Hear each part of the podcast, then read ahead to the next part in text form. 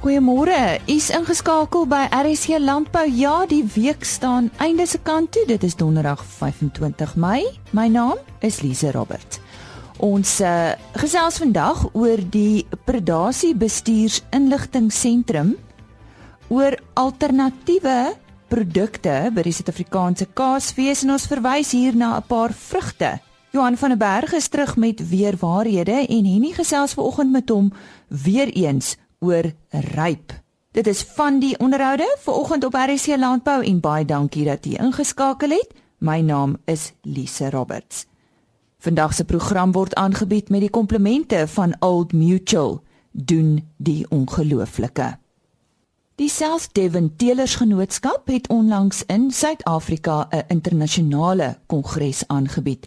Ons medewerker in die Oos-Kaap, Karen Venter, was verantwoordelik vir die volgende twee bydraes. Sy het eers met die president van die South Devon Teelers Genootskap, John Miller, gesels oor die kongres en toe met twee boere, Gilly en Barry van Sail. Maar eers John Miller. It's always been my dream to attend a world tour, a world conference over the world with the South Devon people and I went to America 3 years ago. And really enjoyed the trip. And then I was asked while I was there to, we couldn't host the World Conference in South Africa because it had never been hosted yet. I came back to my council and we said, we said we would do it. So it's been three years of intensive planning and we put a trip together. The reason for the conference is that we as South Devon breeders over the world can get together and try and make our breed better through a lot of dialect and conversation and hopefully we can market our animals a bit better. Ek kuier vandag saam met self Devin se mense by die Protea Hotel Marine hier in Port Elizabeth en ek praat vandag nou gou met um twee broers van Kimberley, Suid-Afrikaners natuurlik en dit is Barry en Gilly van Sail. Hulle boer met self Devins en hulle wil graag vertel hoe het hulle hierdie toer ondervind en um Wat maak dat hulle met selfdewings boer? Uh, dis Gielie wat praat. Ek en Barry uh, word as boerseuns groot Nikolari. Ons boer ons hele lewe lank. Ons het ons eerste selfdewings in 1984 al aangekoop. Alhoewel ons eintlik kommersiële boere is, het daar behoefte ontstaan om vir ons omgewing ons eie diere te teel wat vir ons eie omgewing aangepas is en spesifieke behoeftes voldoen. Ons gebruik ons eie bulle op ongeveer 500 kommersiële koeie waaruit ons ook vir ons nuwe genetika en vroulike diere teel om in ons stoet te akkommodeer. Ehm, die praktiese boerderybestuur word deur Barry hanteer. Alhoewel ek verantwoordelik is vir al administratiewe funksies van die stoet en die ehm uh, recording van alle data. Ons is altyd aktief bedryf betrokke by die Self-Devon Raad. Barry is verantwoordelik vir die raad se finansiële bestuur en ek is ek wat Gili is is verantwoordelik vir alle tegniese aangeleenthede van die ras. Ek sal teelers help met hulle kudde administrasie, identifisering van diere of spesifieke eienskappe binne in kuddes om die roete vorentoe te help beplan vir elke teeler. Ons is ook in die vleisbedryf oor die algemeen betrokke met 'n uh, slaghuis in Kimberley waar ons baie evaluasie van ons eie karkasse doen. En Barry kan verder vertel oor hoekom self Devon spesifiek en hoekom ons deelname aan die toer. Barry wat praat uh, so skielik sê ek kan teer die daaglikse bestuur van die boerdery op die plaas self.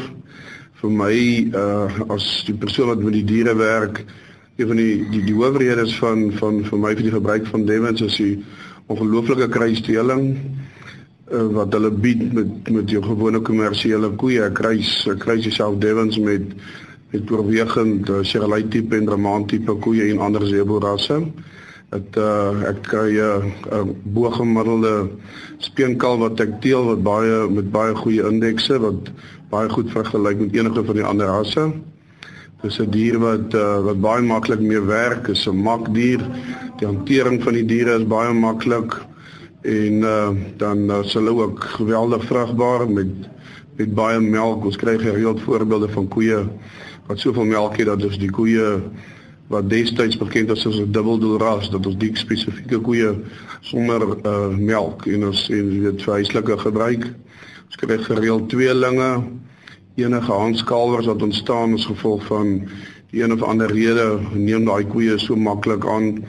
Dit is alles 'n teken van hulle ongelooflike hulle hulle eienskappe as hulle moedereienskappe. Hulle lyk ook soms soos moeders as jy moet hulle werk. En uh hulle het ons het 'n Devon geteel wat geweldig aangepas het by ons. Ons het in die begin toestande ons met die Devons begin het 'n bietjie gesukkel met konstitusie en ons het net al by wetering meer geselekteer vir dit en ons het 'n Devon geteel vir die laaste 13, 14 jaar wat ongelooflik aangepas het by ons. Dit is koud, dit winters raak baie koud en die veld raak geweldig droog en uh, so dis moeilike jy weet dis moeilike omstandighede en die diere ons het net gesê anders selekteer vir diere wat beter aanpas en ons het uh, op die oomblik voel dit vir my ons is amper waar ons wil wees. Ons steel diere wat wat in ons omgewing en meeste van ons bulle wat ons verkoop, verkoop ons sien 'n radius van 100 km of baie naby baie van ons bure en in, in ons omgewing. So die diere wat reeds aangepas is, ons het geen aanpassingsprobleme met met diere in ons kamers op ons bulle weet ons nie van nie. So dis Devon, ek is uh, trots hy Devon hoor. Waar kan mense julle kontak? Uh, telefoonnommers uh, myself Barry by 083 459 7616 en uh, my broer Gili by 082 44 11297. Dankie. Dit is weer Gili wat praat. Rakende die rakende die wêreldtoer van teelers reg oor die wêreld. Is dit vir ons 'n ongelooflike voorreg en 'n geleentheid gewees om met teelers van reg oor die wêreld te praat en agter te kom dat hulle uitdagings is maar baie dieselfde as ons uitdagings. En om by hulle te leer en te hoor hoe hulle dit ervaar en hoe hulle die ras as sulks ervaar in hulle eie lande was vir ons 'n baie aangename en 'n leersame ondervinding en ons het baie aangename mense ontmoet wat ons sien uit daarna dat die wêreldtoer van tot 3 jaar in Nieu-Seeland plaas en ons hoop teen daai tyd is die rand nog sterk genoeg dat ons die toer kan bywoon. You can contact me um on my phone number, my cell number which is 083 659 8269 or you can contact the South Devon Society at Stadbook um, and they will get in contact with one of us, with our, any of our breeders, or if you, wherever you are, and we will come back to you. Baie dankie ook aan Karen Venter wat vir ons hierdie twee bydraes gestuur het met die president van die South Devon Teelers Genootskap John Miller en die twee boere Barry en Gilly van Sail. Ons uh, gesels nou met professor Uitso de Waal van uh, die Predasie Bestuursinligtingseentrum huis by die Universiteit van die Vrystaat. Hierdie Predasie Bestuursinligtingseentrum, so waarom is dit gestig? Ons het al heelwat in die verlede gepraat oor uh die behoefte wat in Suid-Afrika bestaan dat inligting oor predasie iewers te bymekaar gehou word, ingesamel word en doelmatig aan belangegroepe teruggegee word. En uh ons het net 'n punt bereik waar ons nou nie verder kan uitstel nie en daarom moet ons dit doen. Uh en voortgegaan in eerste operasie sentrum wat ons nou gestig het en die inligtingseentrum vorm dan 'n deel daarvan en die die die inligting is 'n baie groot behoefte wat deur die Population Management Forum uh gevoel is oor jare. So ons lewer hulle hierdie diens vir hulle op hierdie stadium en hulle finansier ons uh, vir van van ons uitgawes wat ons hier aangaan. Is julle die enigste sentrum of is daar ander ook? Verskeie akademiese instellings uh het uh kom ons sê eenhede wat kyk na predasie. Maar ons groot uitdaging in Suid-Afrika, jy weet, elke groep doen dit op sy eie en net hulle weet eintlik wat aangaan en dit is een van ons doelstellings. Ons wil nie die die die die uh domineer in terme van wat ons doen nie. Ons wil koördineer en seker maak dat belangrike inligting wat nou in verskillende pakkies en fragmente lê bymekaar kom. Jou vraag is ja, daar is verskeie akademiese instellings wat uh op verskillende vlakke sentrums bedryf, maar ons glo hierdie ene uh, is waarskynlik die eerste wat nou op nasionale vlak kan opereer. So julle klaar gaan 'n klomp inligting kry. Ehm um, gaan dit hier oor die bestryding van predasie of die bestuur van predasie? Alles. Ons is al in ervaring van 2004, 2000 uh, 2020 2004 is ons besig om inligting te versamel want een van ons eerste uitdagings wat ons ondervind het uh, in in 2004 is dat almal praat oor predasie maar jy kan nie werklik inligting kry wat jy hand op kan lê nie en toe het ons stelselmatig begin om alle inligting en dit beteken oor die ekologie, oor die predasie bestuur, oor die metodes. Jy kan dit maar noem uh, wat ons mekaar maak want ons moet dit baie duidelik verstaan. Die roofdiere is deel van ons omgewing en die mens is deel van die omgewing.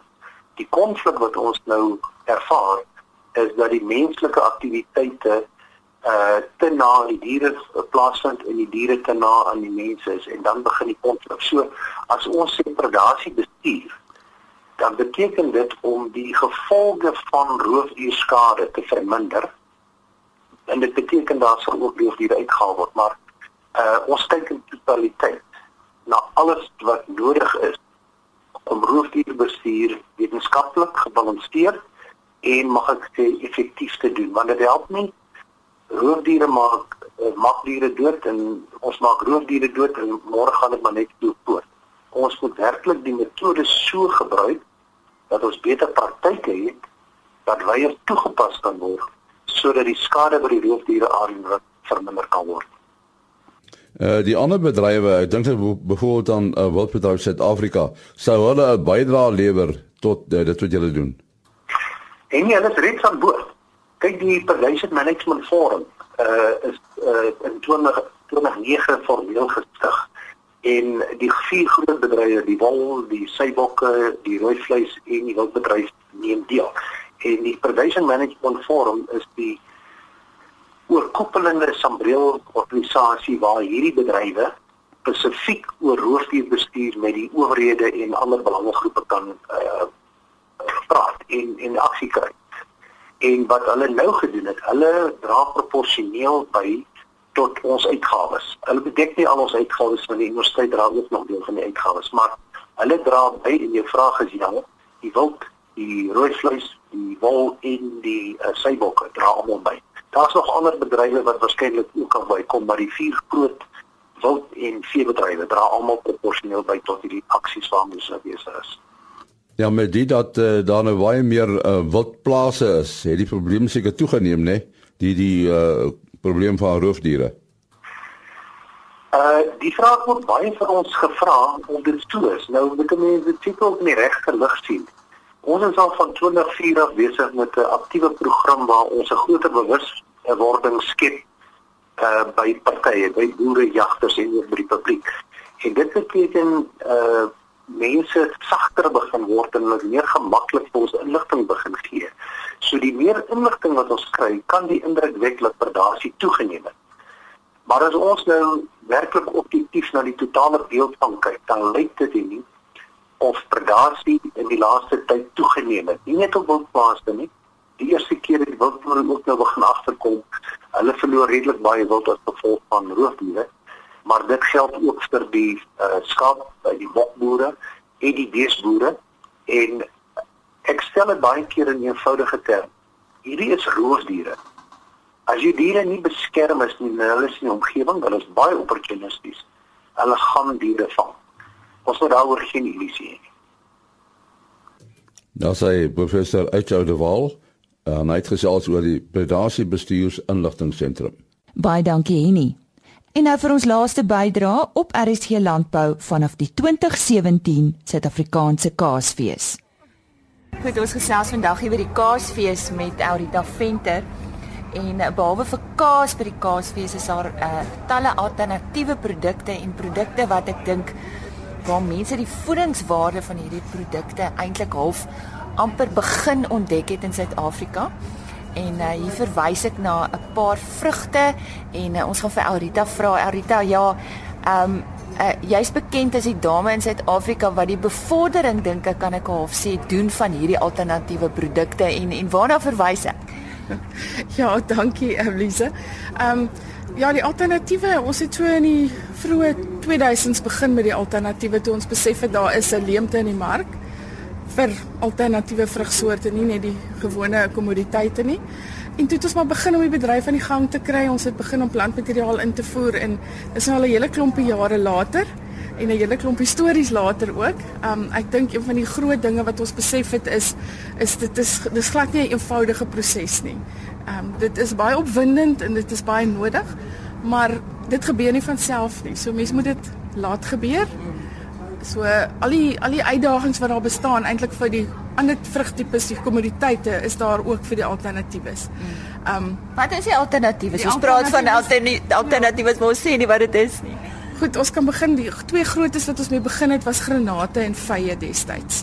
Ek dink um 'n rukkie voor die granate en vye destyds met Trevor McKenzie en Key ja, het hulle begin met bessies. Ek dink dit was eers die eerste alternatiewe vrugsoorte. Daarna het die persimmons gekom. Maar um ons praat van amper 20 jaar. So dit is iets wat elke dag gebeur nie. Maar ek dink as ons vandag gesels praat ons nou spesifiek oor die granate en en en die vye. So ja. Ja, jy sê en, waar staan die bedryf op die oomblik? As ons na die granaatbedryf kyk, was daar baie goeie groei gewees. Uh daar's ongeveer met 'n boomsensus wat Hortkraut doen, uh aangedui dat daar min of meer 1000 hektaar al aangeplant is in Suid-Afrika. En die baie van die bome is nog steeds in 'n baie jong fase. So die produksie en uitvoering neem toe elke jaar.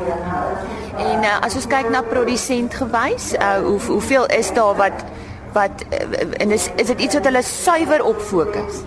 Nee, ongelukkig nie. Die meeste produsente is produsente wat ander vrugsoorte ook produseer. Uh dis destyds begin as 'n um 'n diversifiseringsopsie vir ander vrugboere. Maar op die oomblik dink ek daar's ongeveer 2 of 3 groot alleen granaatboere in die land wat alleenlik net granate mee boer ehm um, wat dit nogal ingewikkeld maak um, omdat dit 'n groot uitleg uh, finansiële uitleg is. En wat is die bedreiging vir hierdie bedryf? Ehm um, die droogte dan? Die definitief die droogte. Wel, ek wou nou eers met die finansiële ja. begin het. maar die droogte is definitief 'n bedreiging. Ons het produsente wat selfs vir die tweede opeenvolgende jaar geen oes op hulle bome gesit het nie. Dan praat ons van 30 plus hektaar waarvan die bome net eenvoudig eh, blomme van afgehaal is, geen oes as gevolg van droogte. So ja, dit dit is swaar. Dit is baie moeilik. Um, en dan soos ek sê, dit gaan ook oor insette. So die insetkoste is redelik hoog en dan voldoen aan vereistes, aan markvereistes, so aan regulatoriese vereistes. So al daardie aspekte moet in plek wees voordat jy enige vrug op 'n rak kan sit of uitvoer. So dit dink ek is die groot uitdagings en ons het ook peste en siektes soos ander vrugsoorte. En dan dink ek ook die registrasie van chemikalieë. Ons het nie soveel chemikalieë geregistreer op hierdie alternatiewe gewasse in Suid-Afrika onder Wet 36 as wat die ander gewasse op die oomblik het nie. So dit is 'n is nie 'n maklike pad nie, maar ons byt vas. Wat is jou rol presies? Verduidelik vir ons. Bietjie iets van alles. ek is betrokke by 'n kwekery, um Altana Fruit waar ons plantmateriaal maak vir vye en granaatbome en 'n paar ander alternatiewe. Dan is ons self 'n produsent ook. Um, ons is ook betrokke in die prosesering dan en dan in die uitvoer, die uitvoer self van die van die vrugte. So is jy eintlik 'n navorser, wetenskaplike, wat wat is jou agtergrond? Ja, ook weer eens 'n bietjie van alles.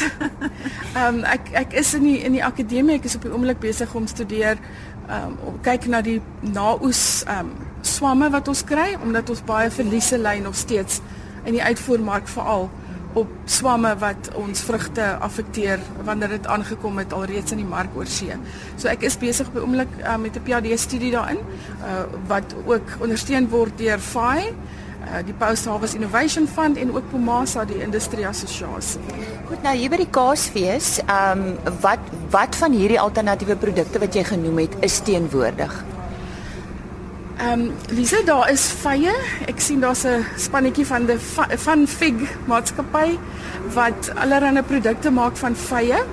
Uh die vye bedryf is ook nog redelik klein en daar's ook nog redelik baie produk wat vir prosesering gebruik word ehm um, ten opsigte van ook uitvoer, vars uitvoer. So hulle het baie interessante en kreatiewe maniere gevind om uh, dit te verwerk. Uh, dan is daar die Passionate Pomegranate maatskappy wat ook sap maak. Hulle maak reduksies. Hulle maak 'n granaatkonfyt en um, allerlei slaai um sousies. So hulle is hulle is ook baie interessant om 'n draai te gaan maak. En dan is daar Peerpom maatskappy wat op hierdie stadium net vars granaatsap maak uit granate. En die platform die kaasfees, is dit nou 'n ideale plek om vir hierdie mense blootstelling te gee want dit is dan die lekkerste ding saam met kaas en vy, né? Beslis. Nee, Elise, ek dink definitief so. Ehm um, ek dink die geleentheid wat ons hier het om aan baie mense op 'n slag ehm um, blootstelling te kan uh, van kry is is ongelooflik. Ehm um, die omgewing, ons is nou al 3 jaar hier en ons kan sien hoe die geïnteresseerdheid toeneem en en mense wat terugkom elke keer om te sê maar hulle onthou dat ons laas jaar hier was. So ek dink dit maak ook dan die oorgang van 'n nuwe bedryf vanaf 'n eksperimentele of 'n semi-kommersiële stadium na 'n kommersiële en 'n handelsmerk gedrewe produk baie makliker. So dis vir ons 'n ongelooflike geleentheid. Nou om jy af te sluit. Wat wil jy as jy nou 'n wenslys het vir die volgende 5 jaar vir hierdie bedryf waarvan jy praat? Wat sal op daai wenslys staan? Wel, eerste dink ek die wenslys sal wees dat daar 'n bietjie meer geïnteresseerdheid is van die regering se kant af om bydrae te maak rondom die ontwikkeling van hierdie nuwe bedrywe op 'n gestruktureerde manier, maar ook om bietjie met 'n alternatiewe oog daarna ook te kyk. Dit is alternatiewe produkte. Um mens moet met 'n bietjie van 'n ander hoek daarna kyk om dit wel te kry op 'n plek waar dit na 'n semi-kommersiële stadium ingaan.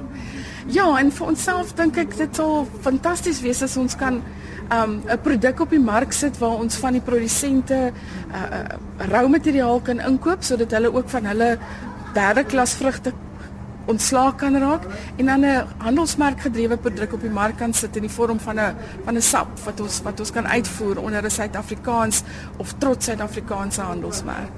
Ek het daar gesels met Aurita Venter, hoofuitvoerende beampte van Agri Edge. Baie dankie ook aan Agri Expo wat dit vir my moontlik gemaak het om die Suid-Afrikaanse Kaasfees by te woon. Weer waarhede saam met Johan van der Berg.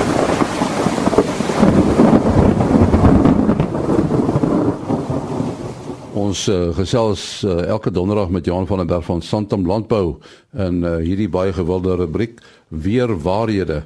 Ons het verlede week begin om te praat oor ryp want dit is uh, daardie tyd van die jaar, die koue en ons het beloof dat ons gaan praat oor rypbestryding. Goed Johan, het ons hoor. Nee ja, net om te verfris, laasweek het ons gesê ons kry twee hooftipes ryp, die een is stralingsryp uh waar dit op stil nagte voorkom, baie koue toestande en dan die ander ene is die sogenaamde advexieryp of ryp wat uh, voorkom as gevolg van koue wind wat waai. So een van die belangrikste goed vir beide die advexie en die ehm uh, die die ander of jou witryp, jou sogenaamde stralingsryp is om te kyk na die regte terrein want daar's eintlik baie min wat 'n ou kan doen om regtig vir op groot skaal temperatuurverhogings te laat plaasvind. En die belangrikste gedeelte as 'n mens 'n gewas wil plant wat ryp sensitief is, moet jy kyk na die terrein, want dit kan 'n geweldige groot invloed hê. Oor 'n kort afstand van 'n paar honderd meter, uh kan temperature met 3, 4, 5, 6 grade verskil, uh afhangende van die topografie van hier van die gebied. So as 'n mens gaan kyk na die terrein, uh die beste om te kyk is teen noordelike hellings. Ons weet veral in die winter, uh die noordelike hellings, die uh, wat skuins is, dis meer loodreg wat wat sonenergie ont, ontvang. Uh so ons kry al reeds warmer toestande, meer energie wat dan kom. Die ander wat baie belangrik is in terme van die terrein is om sogenaamde rypholtes te vermy. Uh as jy mense keuse het, dan plant jy eerder so 3 kwart op teen die noordelike helling as om onder in die die die vallei van die van die helling te gaan plant. uh want die temperature kan grootliks verskil. Dis ook uh nie uh, dit dit is nie reg om op die top te gaan plant nie want dan kry ons weer die waarskynlikheid dat ons adveksie of windgedrewe ryp kan kry met koue toestande wat daaroor kan kom. Interessant wat 'n mens altyd 'n gedagte moet hou as 'n mens 'n terrein moet gaan uitsoek. Uh dink hoe sou water geloop het want koue lug werk omtrent dieselfde soos water want dit swaarder as warm lug en dit dreineer altyd na die laagste gedeelte toe. Uh so wat belangrik is dan ook uh dit kan daar kan byvoorbeeld versperrings teen die helling plaas of wees en dan hierdie koue lug wat afdreineer van bo af word nie heeltemal onder toe gedreineer nie en kry ons selfs teen die hellingskade. So mense kan dit amper sien soos 'n damwal en dit is nogal belangrik om dit in gedagte te hou. Die tweede een waarna ons kan kyk is die sogenaamde stralingsonderskepping. Ehm um, langgolf of hitte-energie word terug in die atmosfeer gekaats uh, snags en dit gebeur dan as die lug baie droog is want daar is nie wolke of uh, vogmolekules wat hierdie weerkaatsing kan keer nie. So een van die goed wat gedoen kan word is om kunsmatige wolke te vul te maak, 'n tipe van 'n kombers. En uh, daar is praktyke waar hooibale of uh, olie gebrand word uh, wat dan 'n kunsmatige wolk oor oor die gebied maak wat jy wil beskerm. Maar dit is nogal baie belangrik om te weet waar om vuur te maak uh en op hoeveel plekke. En die gevaar rondom hierdie ding is dat dit omgewingsbesoedeling dan ook veroorsaak. Maar dit kan effektief wees, dit kan graad of 2 uh dalk help. Uh maar dit is ook nie vir lang tye wat 'n mens dit kan doen nie. Dan die derde een is die sogenaamde hitte-isolasie waar ons maar net goed toemaak. Dit is een die belangrikste of een wat ons altyd maar na kyk is om sogenaamde hot caps uh, op te sit. Dis maar materiaal wat gebruik word uh om dan plante te bedek. Maar uiters belangrik is dat die regte materiaal gebruik word want sekere materiale laat nog steeds energie vloei toe. So en dis ook beter om nie te styf byvoorbeeld om 'n stam dit toe te draai nie. Uh want as daar 'n lugkolom tussen die stam en hierdie materiaal is isoleer dit verder want lig uh, is 'n uh, swak geleier van dit so dit help ook dan daar. Vierens kan 'n mens gaan kyk na ligvermenging en hierdie is suiwer vir ons sogenaamde stralingsryk. Soos ons genoem het is daar 'n profiel van die te van dit van temperatuur. Naby die oppervlakte is dit baie koud en vir so 'n paar meter in die lug op word dit warmer. Uh so wat wat wat hier gebeur is dan om lig te kan vermeng uh dat die warme temperature wat 3 4 5 meter bo kan die grond is kan meng met hierdie laaste onderste meters uh, temperature. Nou hier word massiewe windmasjiene gebruik uh of baie mense gebruik helikopters uh om hierdie tipe vermenging te laat uh, plaasvind. Maar dis baie arbeidsintensief, dis baie duur en dis nie noodwendig altyd effektief nie want dan kry ons nog die effek van amper adveksieryk wat ook weer voorkom uh omdat 'n mens dan die aanvoelbare temperature uh, verlaag. So ek dink hierdie is die eerste vier van 'n reeks van goed. Ons kan volgende week weer gaan kyk. Daar's nog 'n paar ander dinge wat ons kan doen om die effek van ryk te versag. Uh maar op hierdie stadium gaan ons volstaan met hierdie vier. Daar sê die belofte van Johan van der Berg van Santam Landbou. Volgende week gaan ons voort om te praat oor uh, oor ryp en uh, veral rypbeslyding. Weereens baie dankie aan Annie Maas en Johan van der Berg en volgende week donderdag maak hulle weer so. En volgens Henny gesels hulle weer oor ryp. Vandag se RC Landbou is aangebied met die komplemente van Old Mutual doen die ongelooflike. En daarmee groet ons ook tot maandagooggend om 05:30. Mag dit met u goed gaan en mag dit reën in die Wes-Kaap. Totsiens. RSG Landbou is 'n produksie van Blast Publishing. Produksieregisseur Henny Maas. Aanbieding Lisa Roberts en 'n notas koördineerder Jolande Rooi.